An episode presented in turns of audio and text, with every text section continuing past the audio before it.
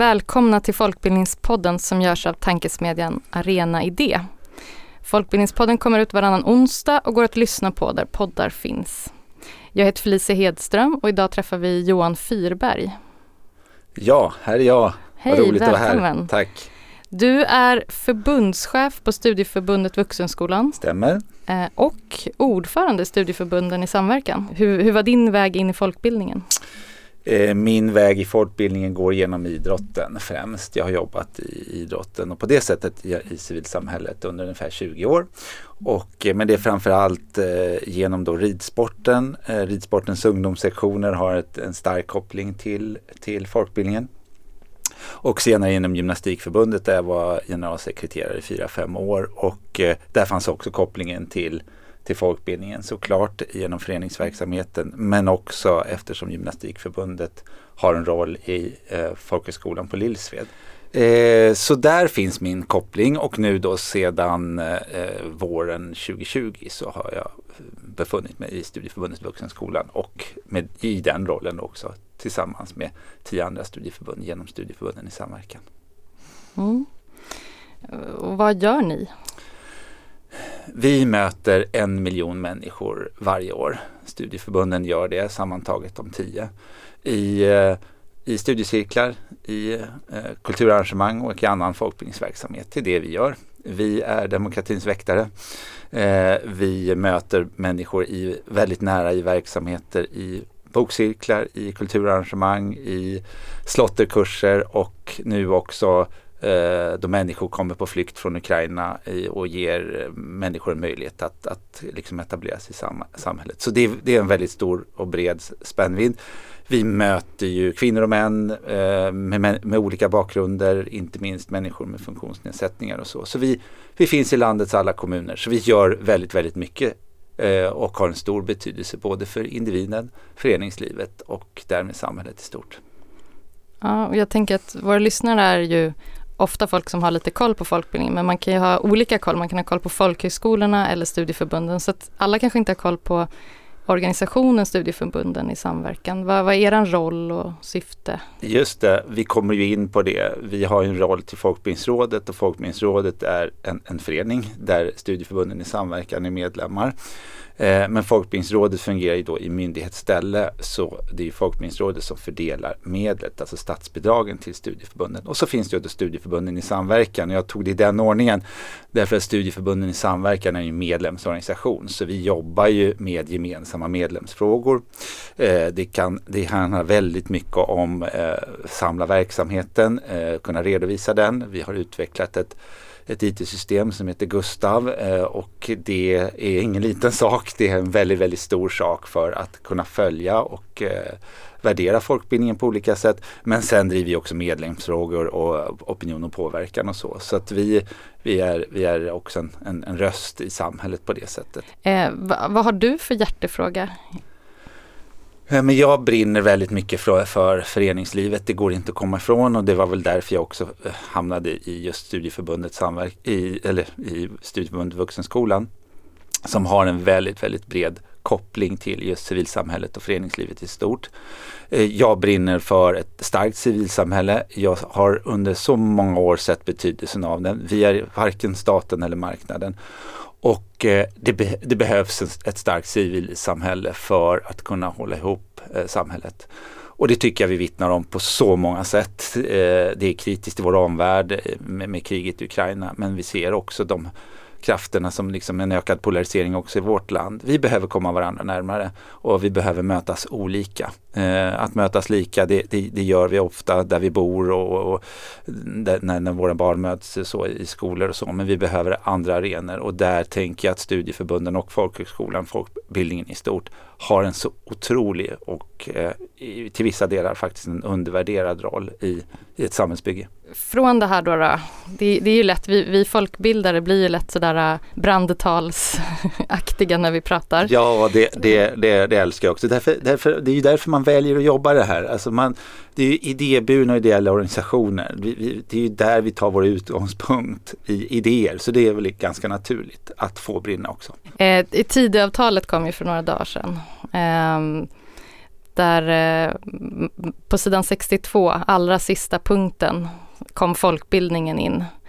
Eh, och, och, vi har pratat i podden mycket. Vi har ju haft podden under hela valåret och pratat om vilka motioner som har lagts och hur politiken tänker om folkbildningen. Eh, och, och, vi har pratat bland annat om eh, den utredning som ska göras om folkbildningen som kommer i februari 2024. Eh, så att det är många som har varit pirriga inför valet och utgången och vad som blir konsekvensen. Eh, just kanske för att man brinner så mycket och vill värna om det som är eh, men då, det som står på sidan 62 då i Tidöavtalet är ju att systemet för stödet till folkbildningsväsendet ska reformeras. Att, att man ska fundera på om medeltillsdelningen ska hanteras av en myndighet istället för Folkbildningsrådet. Och det här är ju inga, det är ingen nyhet direkt att Sverigedemokraterna har ju varit tydliga med, eller framförallt Sverigedemokraterna, även Moderaterna har ju krävt en översyn och sådär men att, att man tycker att det skulle vara bättre om Folkbildningsrådet blev en myndighet. Va, vad, vad tänker du om den skrivelsen? Men jag tänker väl att man behöver säga lite också i stort om tidavtalet. Vi kan ju dels komma, eh, eller konstatera att folkbildningen nämns ju väldigt lite i övrigt. Men det vi har funderat på en del är ju just det här med armlängds avstånd. Man skriver i tidavtalet om armlängds avstånd till kulturen och underförstått också kopplat till idrotten och vi tänker att det är väldigt, väldigt viktigt att det är samma princip för folkbildningen även om det inte framgår. Så där har vi en viss oro. Sen finns det också det här med kulturkanon och, och det, eh, det, det, kan man också ställa sig frågan vad det betyder för folkbildningen eftersom det är på fri och frivillig grund som folkbildningen fungerar. Så det är väl också en viss oro. Sen är det rätt, sen är, eller rätt på det sättet, eller rätt, jag håller med dig, det, det finns ju den skrivningen som är väldigt direkt kopplad till Folkbildningsrådet. Men det finns ju också den andra skrivelsen om utländsk finansiering som inte direkt adresserar folkbildningen. Men jag berättade ju just om mitt engagemang för människors lika värde och eh, föreningslivet och där finns ju en skrivelse som handlar om finansiering till, till civilsamhällets organisationer. Eh, och eh, den, den, den känner vi också delvis till eh, och den kanske vi kan diskutera längre fram men det är klart att folkbildningen aldrig kan legitimera extremism. Det är helt främmande för oss. Vi känner ju ett så oerhört stark identitet till just till demokratisyftet i all vår verksamhet. Så där blir man ju lite fundersam vad det innebär. Eh, men det är klart att vi vi vill bidra till att det verkligen inte smyger sig in antidemokratiska krafter i, i, i vår verksamhet. Samtidigt så eh, vill vi ju inte bli räddhågsna så att vi slutar samarbeta med exempelvis etniska föreningar som vi gör i ganska stor omfattning och där vi har en väldigt, väldigt viktig betydelse för integrationen av människor i samhället. Men det var några delar kring det mm. och sen är det ju det här som du säger då med översynen om, om, om med Folkbildningsrådet. Eh, och eh, där så tänker väl vi att det finns en utredning som nu är aviserad, en folkbildningsutredning. Och det är ju väldigt viktigt att den får, får fullgå. Och i den utredningen så, så, ska man ju se över styrningen. Så vi har lite svårt att förstå den här, för man skriver ju också i Tidöavtalet om i avvaktan på och eh, Eh, eh, där, där, där, det öppnar ju också för när kommer då i sådana fall det in i processen. Men det är som du säger, det här var känt sedan tidigare. Det är utskottsinitiativ som väcktes av bland annat moderater eh, och Sverigedemokrater pekade just på den här frågan. Så på det sättet är vi ju inte förvånade. Eh, men, men den stora frågan är ju när i processen kommer det här in och vi tänker att det kloka i det här det är ju att den utredning som nu är på bordet och som leds av Christer Nylander, att den får fortgå och att så att säga den här delen med styrning och eh, fördelning på det sättet av statsbidraget kommer in i den delen. Och vad som inte sägs i, i Tidöavtalet är det här med demokrativillkoren. Det har ju också varit en stor fråga under resans gång och det har vi nu fått bekräftat att den, den, den tar man tillbaka. Så där har också i hela civilsamhället funnits väldigt mycket funderingar. Eh, Eh, framförallt kring tillämpningen skulle jag säga. Eh, ja, jag tänkte något som du sa inledningsvis här var eftersom du har en bakgrund inom idrottsrörelsen. De har ju delvis eh, samma system som Folkbildningsrådet, alltså att man har olika organisationer som fördelar statsbidrag. Som jag har förstått, vi har pratat om det i podden förut, men där har man ju, där har ju inte politiken gått in och pratat om att det skulle man ta till en myndighet eller så, utan det är ju just folkbildningen man har gjort. Har du haft några tankar om det? Eftersom du just att, har båda benen. Ja, verkligen mycket tankar. Jag tänker att vi inom civilsamhället eh, står starka och vi, att vi naturligtvis behöver samverka på olika sätt och också har en samverkan med idrottsrörelsen om det. Jag menar ju och tänker och upplever att vi delar uppfattningen om, om armlängds avstånd. Eh, väldigt mycket så. Eh, men det är rätt, det finns vissa skillnader dock. Eh, Riksidrottsförbundet för, och SISU, idrottsutbildarna då som är, eh, är eh, studieförbundet i idrotten eh, eh, är ju en och samma organisation, mm, tar emot statsbidrag, fördelar statsbidrag och är medlemsorganisationen medan vi har delat det eh, i folkbildningen i övrigt med Folkbildningsrådet och studieförbunden i samverkan. Så det är en viss skillnad men principiellt är det ju eh, samma del.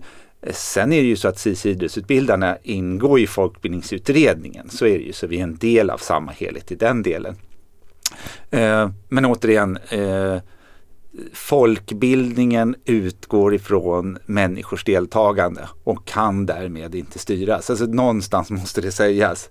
En, en, en stat kan inte bestämma över människor som går, går samman och vill lära sig någonting tillsammans. Eh, det är väldigt viktigt i en, en fri och öppen demokrati. Men, men, men däremot bestämmer ju såklart en stat över bidragsfördelningen. Och det har tjänat samhället väl att det har varit en stor frihetsgrad i bidragsfördelningen. Självförvaltning och armlängds avstånd är en förutsättning för att bedriva en, en fri och frivillig folkbildning. Och, och det, eh, det, det tänker jag är viktigt att säga. Eh, samtidigt, och det är därför jag är här idag, så har det också uppdagats att, att eh, självförvaltningsmodellen behöver stärkas. Eh, och, och, så är det. Det tycker vi själva också. Det har vi, det har vi både upptäckt, insett och arbetar väldigt systematiskt med. Så, så på det sättet kan man ju ändå säga att, att vi, vi välkomnar de här utredningarna som har varit och att det finns anledning att, att vända på saker. Så är det. Och där tänker jag att vi, vi eh, och idrotten har grundläggande väldigt samma ideologiska utgångspunkter in i det här arbetet. Ja, ja men vi kan, jag tänker jag ska dra lite om bakgrunden här om det är någon som har missat. Men att eh, bakgrunden till Riksrevisionens rapport det är ju att under de senaste åren så har det uppdagats flera fall av systematiskt fusk och felaktigheter i studieförbundens verksamhet.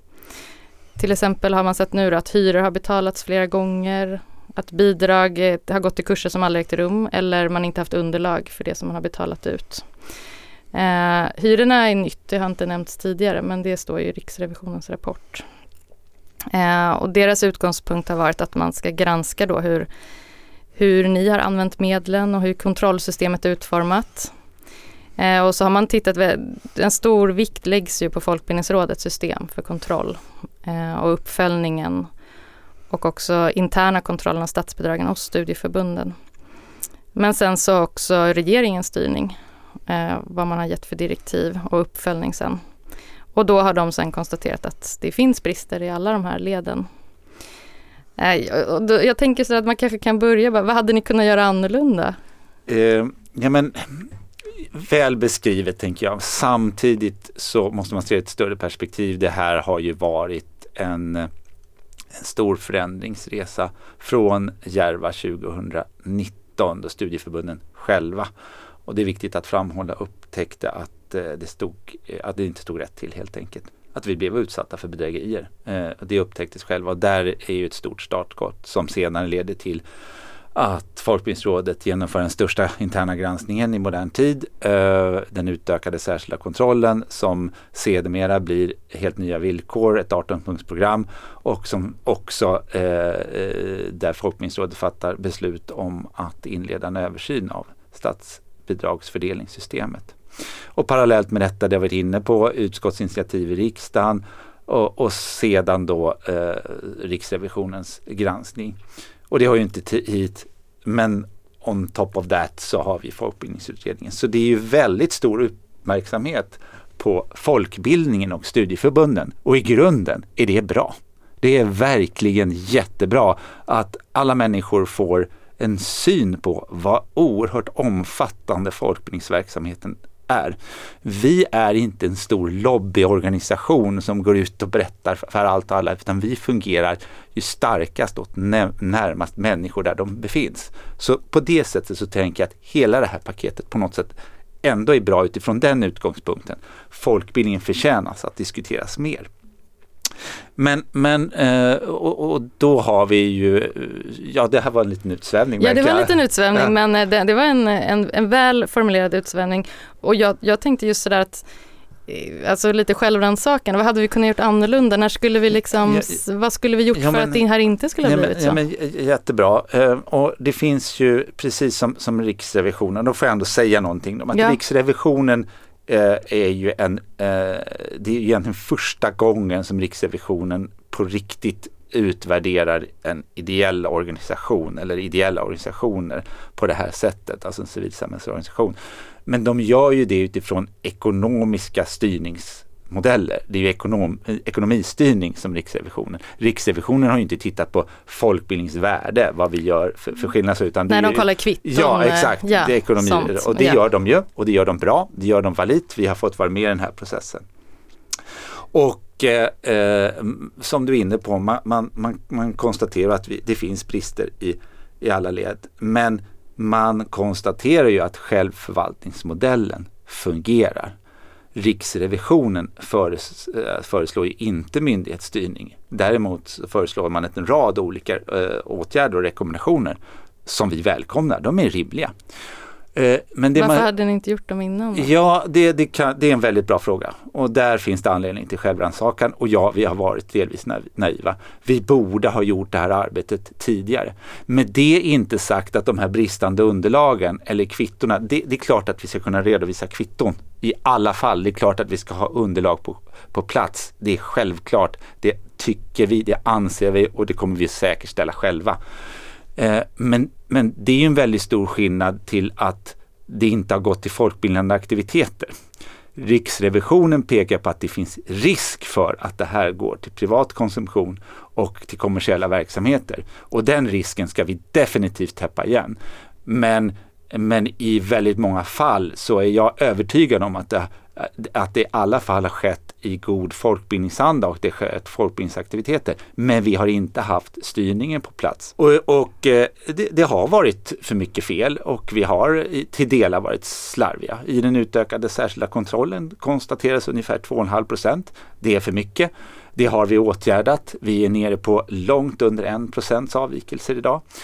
Eh, så ja, väldigt kort, jag kan prata så länge mm. om det här, men ja. väldigt kort sammanfattat, ja vi borde ha gjort det här tidigare. Riksrevisionen tittar ju framförallt på perioden fram till 2020. Efter det så har ju Folkbildningsrådet, jag nämnde en del tidigare, men inte minst studieförbunden själva inlett ett omfattande kvalitetsarbete. Exempelvis bara för att nämna en sak så handlar det om vår vän Gustav som jag pratat om, som handlar om att vi samlar data all verksamhet idag sker ju med elektronisk signering och med, med verifiering via BankID. Det gör ju att vi, vi, kan, vi kan säkerställa redovisning på varje enskild Har ni det på plats nu? För vi hade ju David Samuelsson i, i studion för några avsnitt sedan och då sa han att det var liksom att den var ni hade börjat med den, men har man fått till det nu att alla... Det har ju gått otroligt snabbt. Det var så? Mm. Vi är uppe på långt över 90 procent. Eh, jag vet att det är något enskilt studieförbund som har, men vi har ju, vi har ju på snabb tid och där visar ju folkbildningen verkligen sin styrka. Och då tror jag tillbaks till självförvaltningsmodell och varför det är så viktigt att vi har en stor frihetsgrad. För när vi själva säger till våra cirkelledare, våra verksamhetsutvecklare, nu behöver vi göra det här. Då är det naturligt, då gör vi det. Eh, jag är inte så säker på att man får samma genomslag när, när, när, när man känner att man ska gå studiecirklar i statens tjänst, eh, om jag får vara lite ideologisk i det här. Det gör inte allvaret från vår sida mindre. Det gör, men vi tvärtom, vårt eget ansvarstagande är jättestort i det här. Men Riksrevisionens granskning och rapport är ju sammantaget ett väldigt stort erkännande, också stort. Det är ett erkännande för de kvalitetsåtgärder som har tillkommit framförallt efter 2020 och framåt. Och det nämns inte så mycket, men vi, vi tänker att alla de rekommendationer som ges, de, det är ju inte så att vi behöver påbörja dem nu. Vi har ju dem på plats. Eh, som, och det är ett exempel. Och det andra exemplet är ju liksom redovisning av, av kvitton och kostnadsersättningar. Det har ju vi på plats nu. Eh, men, men, sen, men så att vi, vi välkomnar ju de eh, rekommendationer som ges. Eh, vi tycker de eh, är rimliga. Eh, det är på ett område där vi behöver resonera mer, både själva och med rådet om hur vi ska klara, klara av att tillämpa. Ja men jag tänker de, de eh, lägger också en del av rapporten på att prata om att det ser olika ut i olika studieförbund. Alltså att det, att det är ett problem tycker Riksrevisionen, att det liksom inte görs på samma sätt. Tycker, är det svårt? Alltså ni är ju tio stycken, ni är ju olika enheter. Jag jobbar inom folkhögskolan, vi är 155 och ska vara fria och självständiga gentemot varandra också. Har det, har det varit något som gjort att, ni, att det har tagit tid? Vi vill ju uppnå effekt. Vi vill göra folkbildnings aktiviteter. De statsbidrag vill vi få, vill vi göra så mycket folkbildningsaktiviteter som möjligt göra. Och varför säger jag så? Och då, därför att då är det rimligt också helt i enlighet med Riksrevisionens resonemang och rapport att det finns vissa olik olikheter. När det gäller villkor, när det gäller tillämpning av ersättning, när det gäller tillämpning av avvikelsehantering, när det gäller tillämpning av risk och väsentlighetsanalys där ska vi göra lika, det ska vara lika ramverk. Men att göra till exempel, men då om jag får nämna risk och väsentlighet då. Ja för det, det, är bra att göra för det nämns ja, ju mycket. Exakt, ja. Väldigt, väldigt mycket. Men att göra det i Folkuniversitetet är ju en annan sak än att göra det i Studieförbundet Vuxenskolan. Och då undrar man, men hur, hur kan det vara så? Jo, därför att vi ser lite olika ut. Folkuniversitetet har mer av uppdragsverksamhet, allmänmarknaden, alltså sådana kurser som man går och betalar för. Medan mitt studieförbund, vi jobbar väldigt mycket med föreningsverksamhet. Då är det ju inte säkert att vi ska granska exakt lika om vi ska gå på just risk och väsentlighet. Så en viss olikhet om man pratar till risk, det är ju det som är risk och väsentlighet. Att man gör urval där man ser de största riskerna. Om vi skulle göra samma urval alltid, då skulle vi inte få exakt den träffbilden som vi, som vi faktiskt vill uppnå. Så det finns en komplexitet i det. Där behöver vi kunna också göra kvalitetsarbetet delvis olika eftersom vi ser olika ut. Samtidigt när det handlar om rutiner för kvittoredovisning eller så, då måste det ju vara väldigt säkert att vi gör exakt lika och det, för det följer, följer villkor. Så det finns ju en balansgång i det här. Så du säger att det är, det är, lite omöjligt att göra den? Så att den blir... Eh, omöjligt, det är inte effektivt. Det är inte ändamålsenligt. Nej. Vi vill uppnå effekt. Mm. Vi vill göra så mycket folkbildningsverksamhet som möjligt. Och det är det som är så unikt med de statsbidrag vi får. Att vi träffar en miljon människor bara i studieförbunden. Lägg där till folkhögskolorna. Ja, det är, en ansenligt, det är ett ansenligt statsbidrag, omkring 5 miljarder, varav knappt två till studieförbunden. Visst är det det.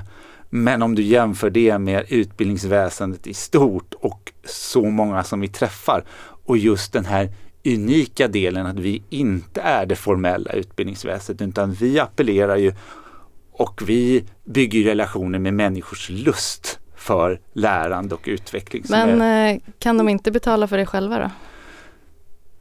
Eh, men så ser ju inte samhället ut. Vi har ett samhälle där människor har olika förutsättningar. Nej, människor som kommer på flykt eh, undan krig och, och, konflikt kan inte alltid betala för sig själva. Men om jag ska dreja? Ja, det är rimligt att, att kunna betala en del av kursen själv. Ja, men vår styrka är ju att tillgängliggöra väldigt, väldigt mycket handlar ju i samhället i övrigt om ekonomisk vinst. Det gör det ju inte för oss. För oss handlar det om människors lärande, möjlighet att komma in i samhället. Vi tänker ju alltid tvärtom. Hur kan vi tillgängliggöra en aktivitet så mycket som möjligt? I vissa fall är det rimligt och också nödvändigt med egenavgifter, men inte alltid. Men om man nu effektiviserar och ser till att få bort det här eh, är det fortfarande rimligt att man ligger på där 1,8 miljarder till studieförbunden? Eh, det är snarare så att eh, det har devalverats. Vi har ju sett under en 20-årsperiod att regioner och kommuner har dragit ner bidragen avsevärt. Vi ser att det finns regioner och kommuner som inte ger något bidrag alls. Och när det gäller statsanslaget så har ju inte det ökat utan det har legat konstant och i det ser vi en viss devalvering. Nej men jag kan inte tänka att det är klokt utan jag tänker att klokt är att stötta folkbildningen. Eh, det, det, är rimligt med en viss indexuppräkning. Vi ska ta fullt ansvar. Vi har en drivkraft att nå många människor. Det, det är väldigt, väldigt viktigt. Eh, och vi, vi når ju brett i samhället. Vi når ju väldigt många, många eh, grupper och där finns det också, också en också, och så också två gånger. Det finns en styrka att vi är tio olika studieförbund där vi träffar lite olika beroende på vår historia, inriktning och så. Eh, Eh, jättelångt, jättelångt svar men jag blir väldigt engagerad i det där därför att eh, det handlar om tillgängliggörandet. Och eh, egenavgifter är rimligt ibland och eh, eh så av olika perspektiv men inte alltid. Folkhögskolan brukar få lite kritik ibland för att vi är lite sämre på våra särskilda kurser att tillgängliggöra. Vi har mycket medelklass som går på våra konst och skapande kurser och eh, har haft svårt att få en bredd där i våra klasser och på våra skolor. Och jag vet att det ser lite likadant ut på studieförbunden. hur tycker ni att ni, hur tycker ni, Hugo snacka hos er, tycker ni att ni lyckas? Du säger att det är drivkraften att tillgängliggöra och tänker att eh, det är klart att staten vill se effekt då, att man mm. gör det här, vilka, vilka når kurserna? Mm. Uh, jag är lite ledande fråga för jag vet ja, att ni inte lyckas nej, nej, det, alltid det, där det, heller. Det, finns, det finns två perspektiv i det där. Jag börjar ju där du tar vid. Ja men det finns anledning för oss att vara ännu mer förändringsbenägna och nytänkande. Vi, eh, vi når ju delvis samma målgrupper. Men eh, så vi behöver vara ännu mer nyfikna på att nå dem vi inte når. Eh, om jag säger det med ena andetaget och jag menar det med eftertryck, där behöver vi vara nyfikna. Vi behöver också sätta egna resurser och engagemang kring att nå dem vi inte når. Med andra andetaget så står ju vi den 25-26 februari och säger att nu tar vi emot människor som kommer på flykt från Ukraina. Det finns inte några statsbidrag på plats för det. Där agerar vi. Vi gör. Vi gör först, vi rapporterar sen och sen får vi stöd för det. Vad gör ni då? Du får berätta för att jag tänker att inte alla vet. Jo, nej, nej, men, ja, men då gör vi någonting som heter Svenska för ett. Eh, väldigt många människor som kommer från andra länder går i SFI men det är inte möjligt när man kommer på en gång. Det är där har med, med migrationspolitiken att göra och hur man kommer in i ett land. Men eftersom vår verksamhet är öppen så är det möjligt för oss att ta emot människor från andra länder från dag ett. Så från dag ett man kommer så erbjuder vi svensk undervisning. Och det är ju inte bara svenskan, det är ju det som är det unika med folkbildningen. Genom det så träffar man också andra människor. Man börjar träffa, även om man kanske sitter just i det fallet med mest med ukrainare eller med människor som kommer från Syrien eller vad det nu kan handla om.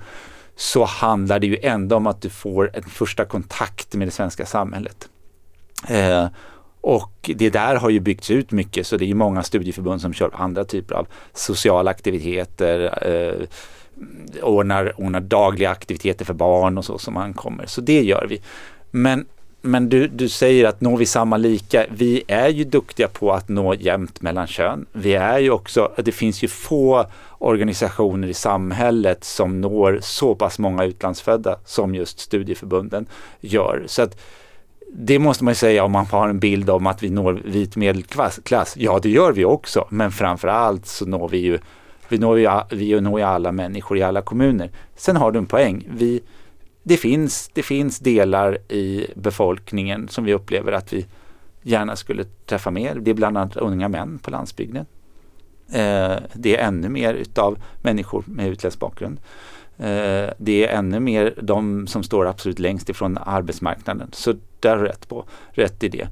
Eh, och då har, tycker jag, vi har haft ett väldigt fint samspel med, med bidragsgivaren och med lagstiftaren under en ganska lång tid där vi har ett anslag, ett brett anslag och så gör vi särskilda insatser för just arbetsmarknad eller som nu då eh, kring integrationsområdet. Eh, sen är det viktigt att peka på att det finns en, ett, ett förhållande, samband mellan, mellan de två. Det ena fungerar inte utan det andra så att säga. Men, men eh, det tycker jag ändå är en, en utvecklingsresa som vi kan fortsätta. Tänk att vi ska knyta ihop säcken lite. Vi börjar vårt samtal att prata om eh, Tidöavtalet och Folkbildningsrådet att de kanske, om de skulle bli en myndighet som man flaggar lite för där. Jag tänker att för gemene man eller även många inom folkbildningen så tänker man, spelar det någon roll? Tänker ponera att Folkbildningsrådet ryker och om två år så finns, då är det en, en myndighet, uppgått i någon annan myndighet eller blivit e, en egen. Vad, vad, betyder det då? Vad tror du att det, hur påverkar det din jobbvardag eller din verksamhet?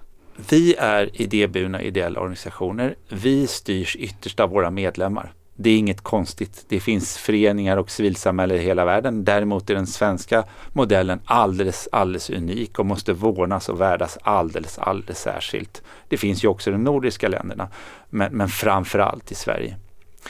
Uh, och, och, där, det, det och hela idén är ju att vi är något annat än staten. Det är ju delvis också en fantastisk ideologisk tanke att civilsamhället faktiskt har ett utrymme att utmana staten. Det är så arbetarrörelsen har vuxit fram. Det är så kvinnors rösträtt har, har blivit liksom en självklarhet i vårt land. Det är så bonderörelsen har tagit kraft och så. Det, det liksom finns en historisk koppling. Det handlar ju inte om att staten har styrt upp det, tvärtom. Det är ju det som har varit så viktigt för samhällsutvecklingen. Att det finns den här frihetsgraden. Så det skulle betyda väldigt mycket tänker jag. Men vad? Eh, jo, det, en myndighet och en myndighetsreglering innebär ju att det, man måste säkra, säkerställa saker och ting på plannivå. Det betyder ju att vi blir mer likställt än, än ett utbildningsväsen, ett formellt väsen med planer som ska eh, redovisas och dokumenteras i alla, alla led. Och då är det ju någon annan som så att säga pekar ut vad som ska göras. Det blir en krock i förhållande till att det är den enskilde människan som eh, formar och bestämmer om vad man vill lära sig. Så där blir det en krock. Eh, så jag tänker, eller vi tänker, eh, inte jag, eh, vi, vi tänker samlat inom studieförbunden att armlängds avstånd, att en stor frihetsgrad, att staten gör klokast att stöta stödja ganska fritt men utifrån syften och villkor och så alla dagar i veckan. Men, men att börja detaljstyra som myndighetsutövning per se innebär, det är svårt att komma ifrån. Det tänker vi inte tjänar varken, varken folkbildningen eller samhället i stort. Sen är det ju så att delar av självförvaltningsmodell eh, har redan idag en myndighetskoppling.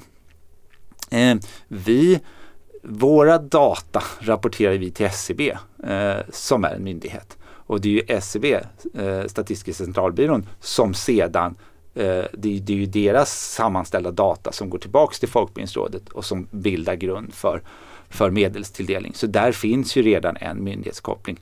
Låt oss ta den vidare. Eh, den kanske kan stärkas. Det är väl bra att självförvaltning också att vi visar på att det kan finnas en myndighetskoppling och att det finns en oberoende granskning. Det är ju jätteviktigt. Såklart ska vi klara av det. Det finns också en möjlighet att tillsätta en extern revisor i folkbildningen. Låt oss göra det. Öka den externa revisionen. Det ska vi klara av. Det välkomnar vi. Eh, det kanske också finns andra områden i en kedja i självförvaltning som vi behöver förstärka upp. Och samhället förändras.